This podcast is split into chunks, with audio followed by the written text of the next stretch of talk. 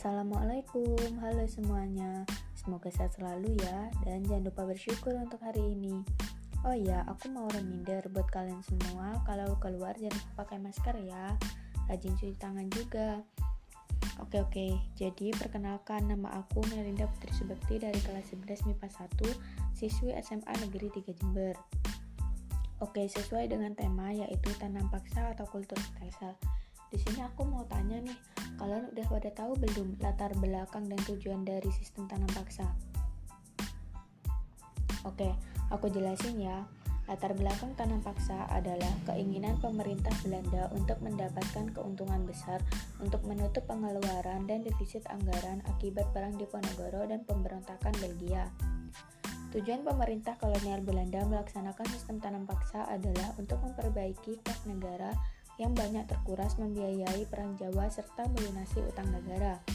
Nah, dari kegiatan sistem tanam paksa tersebut, terdapat dampak positif dan negatifnya bagi masyarakat Indonesia. Dampak positifnya yaitu satu dikenalnya tanaman produksi baru di Indonesia seperti teh, kopi, kina, dan karet. Dua, dibangunnya infrastruktur pertanian seperti irigasi. Tiga, dilakukannya politik balas budi akibat reaksi sistem tanam paksa yang menghasilkan kalangan rakyat Indonesia. 4. Dikenalnya teknik pertanian baru. Sedangkan dampak negatifnya yaitu 1. Penderitaan bagi masyarakat yang harus bekerja keras memenuhi target tanam paksa. 2. Berkurangnya produksi pangan karena lahan pertanian diambil untuk sistem tanam paksa. 3. Terjadinya kelaparan akibat berkurangnya produksi pangan.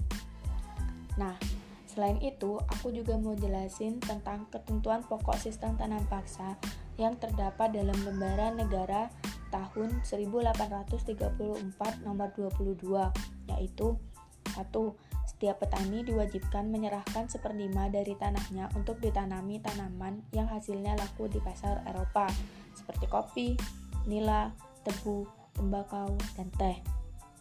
2 Tanah yang diserahkan kepada pemerintah tidak dikenai pajak.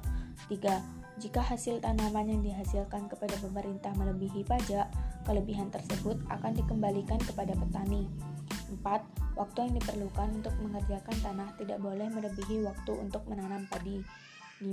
Penduduk yang tidak memiliki tanah wajib bekerja di perkebunan pemerintah Belanda selama 65 hari. 6. Kerusakan tanaman karena bencana alam ditanggung oleh pemerintah. Nah, setelah itu aku mau jelasin tokoh-tokoh penentang tanam paksa, yaitu Edward Howard Dekker, Baron van Hevel, dan Frans van de Putte. Sekian, terima kasih. Assalamualaikum warahmatullahi wabarakatuh. See you, bye-bye.